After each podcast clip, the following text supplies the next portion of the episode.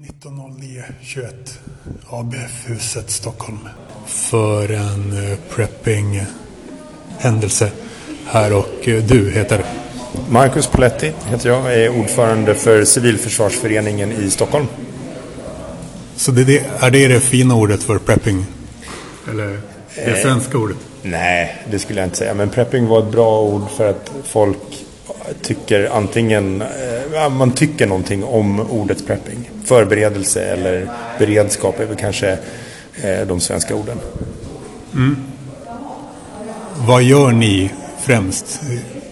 Civilförsvarsförbundet som helhet har ju haft ett ganska stort fokus på förebyggande arbete, mycket information och seminarier, kunskapsspridning, både hjärt och lungräddning och Eh, vi har i, över tid också haft ett uppdrag från eh, Myndigheten för samhällsskydd och beredskap att sprida eh, information om att människor måste kunna klara sig själv i upp, upp till en vecka. Nu förr var det 72 timmar och nu är det liksom upp, upp till en vecka. Mm.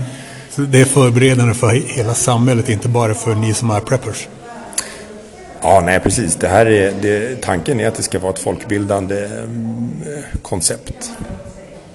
Så ni, är, ni får skattepengar och ni är, ni är en del av eh, det offentliga kan man nästan säga. Förbundet får pengar eh, för riktade insatser. Jag som då är ordförande för en förening, vi har ju en egen ekonomi och, och, och försöker driva våra egna projekt och det här är ett utav föreningens projekt, inte, inte förbundets projekt, vilket kan vara viktigt att mm. särskilja.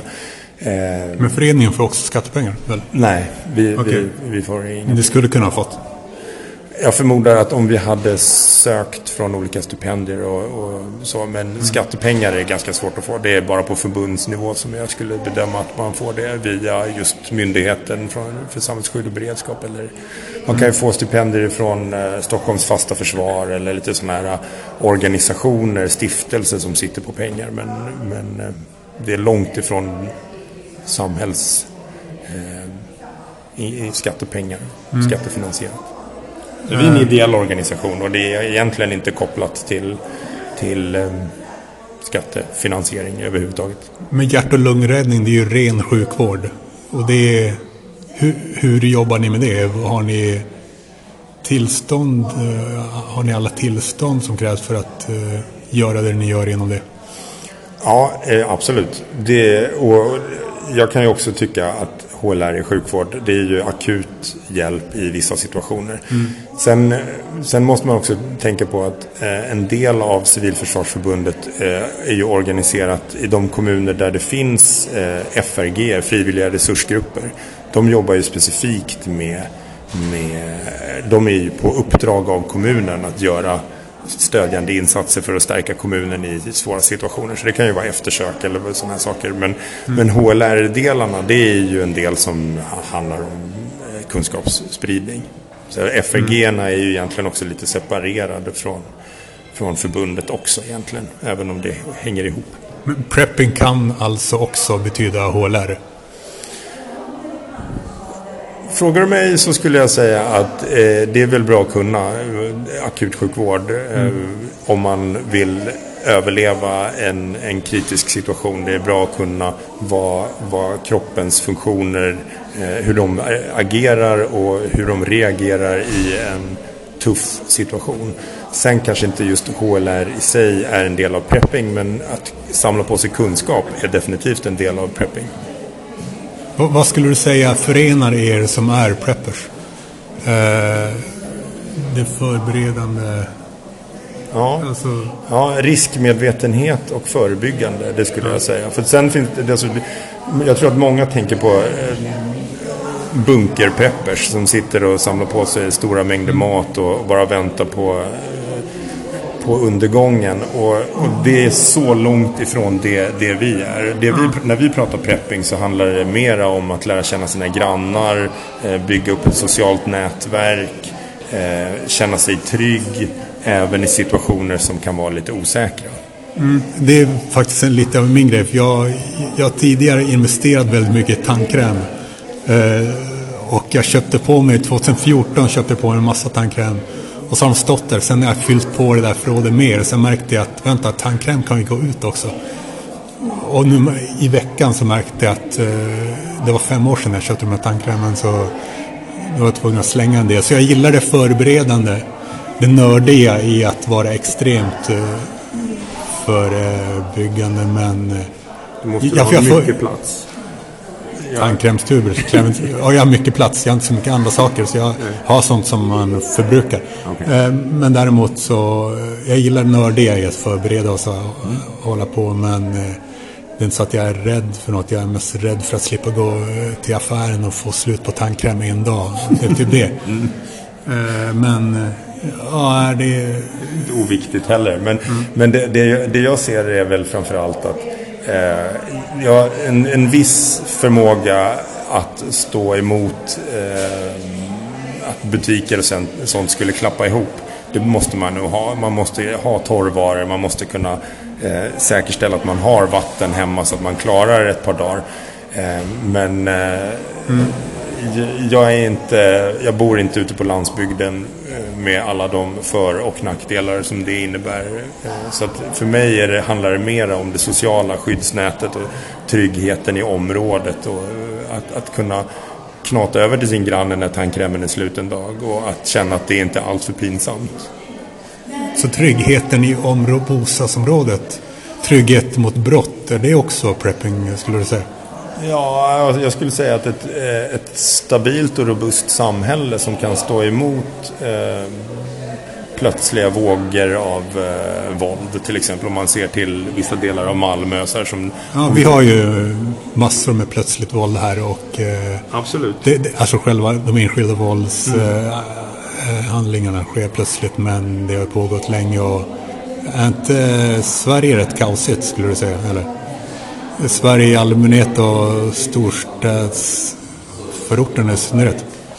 Nej, det skulle jag inte säga. Det finns ju... Det, jag, jag förmodar att den som precis har haft ett, eh, en bomb som smäller utanför sitt hus skulle tycka att jag är förmäten som säger något sånt. Men- Linköping. Ja, men i, i det stora hela så är det inte så kaosartat. Vad skulle du säga att du är främst brydd över när det gäller sånt som kan gå fel? Jag är nog eh, framförallt brydd över att det går väldigt, väldigt långsamt med klimatanpassningar. Eh, Att vi har en, en sakta men säker eh, förstörelse utav vårt samhälle. Eh, Både det ekologiska men också att vi bygger närmare vatten. Vi, alltså, vi, kom, vi skapar framtida problem. I, I den här podden får man eh, eh, själv döpa steget avsnitt. Som ditt skulle heta 190921 kolon eh, Marcus och eh, kommatecken. Vad ska vara efter, kom, efter kommatecknet? Var förberedd, inte rädd. Det, det ska mer vara som en beskrivning av dig. I, i, in, inte så att du s- slänger in ett budskap utan det ska man beskriva dig.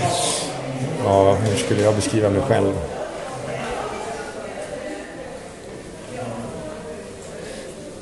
Mm. Bra fråga. Jag skulle nog beskriva mig själv som att... Hmm. Jag vill göra...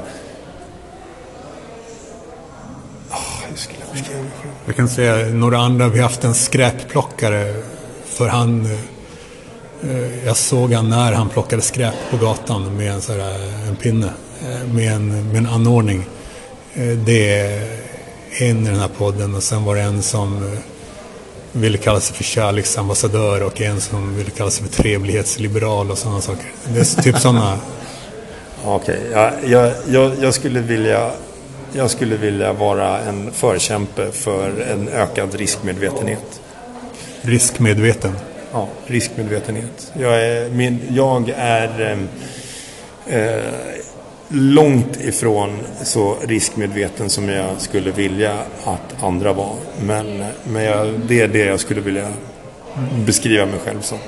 Tycker du att eh, folk borde tänka mer allmänt i termer kring risker och eh, bli mer riskmedvetna i allmänhet? Absolut. Eh, vi gör ju hela tiden eh, analyser när man går över gatan, eh, när man går hem en sen kväll när man åker tunnelbana. Alltså det finns ju massa sammanhang där man gör en kalkylerad risk och att, där man tycker att det är värt det och man gör det ändå. Men det finns så mycket saker som det är svårt att, att, att sätta sig in i men, men eh, det kan vara bra att ha åtminstone tänkt i termer av risk även på de här andra områdena. Men den egenskapen att vara riskmedveten, eh, hur får man den och hur får man mer av den? Jag skulle säga att eh, tyvärr är det väl så att mycket av det handlar om eh, kunskap men också om erfarenhet. Har man varit med, jag, I mitt fall så jag har blivit utsatt för ett rånförsök när, i den judeiska öknen. Jag blev stenad. Wow. Eh, får eventuellt berätta mer om, om, om du vill. Men... Jo, men eh, ja, en ökenpromenad till ett kloster resulterade i ett överfall. Och eh, stora, vi pratar handbolls, stora stenar som kom flygandes. Några träffade eh, på, på benen och i ryggen och, och sådär. Jag överlevde, de fick inga pengar, jag var väldigt nöjd över det. Men det gjorde ju också att jag blev rädd i flera år efteråt över små ungdomsgäng och mörka gränder och att jag blev mycket, mycket, mycket mer riskmedveten om, om eh, och, och kände in. Det var ett framsteg, skulle du säga? Nej, det var ju hemskt. Jag hade ju gärna sluppit det. Jag hade ju gärna fortsatt leva i någon sorts villfarelse om att alla är snälla. Men, men du blev bättre av att du blev mer riskmedveten? En, inte av det i sig, men av att kontrollera. Eh, när, när man låter riskmedvetenheten ta över en så att man blir rädd, då har man ju inte lyckats med någonting. För en rädd människa är, är ju en farlig människa. Men, eh, men när man känner att man kan kontrollera risken, man blir riskmedveten men man har ändå liksom en förmåga att hantera risken, då är man inte rädd längre. Är, du går ju över gatan. Mm. Du ser bilarna. Du bedömer att det här är, in, det här är ofarligt. Fast det, objektivt sett kan det vara farligt. Men du har ändå kontroll över din egen rädsla i, i den riskfyllda situationen. Och därmed blir du inte rädd. Och det var väl någonstans det som var min trigger då. Att, eh, ja men, var inte rädd. Var förberedd. Det var liksom kontrollera din rädsla. Det, det här vi ser nu med bomber och granater, det är klart att det är hemskt.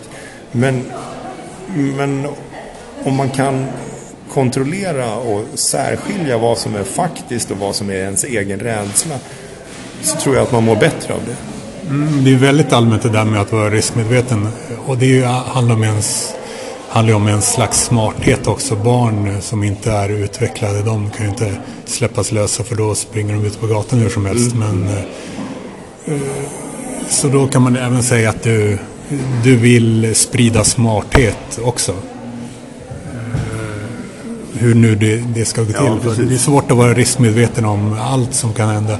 Man gör ju ständigt små fel jo. när man tappar saker. Och... Absolut.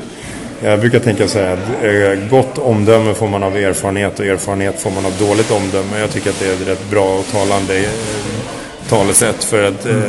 det är inte så lätt att få ett, ett gott omdöme. Kunskap är inte allt. Du behöver också få dig några käftsmällar emellanåt för att förstå vad, vad som är bra och vad som är dåligt. Mm.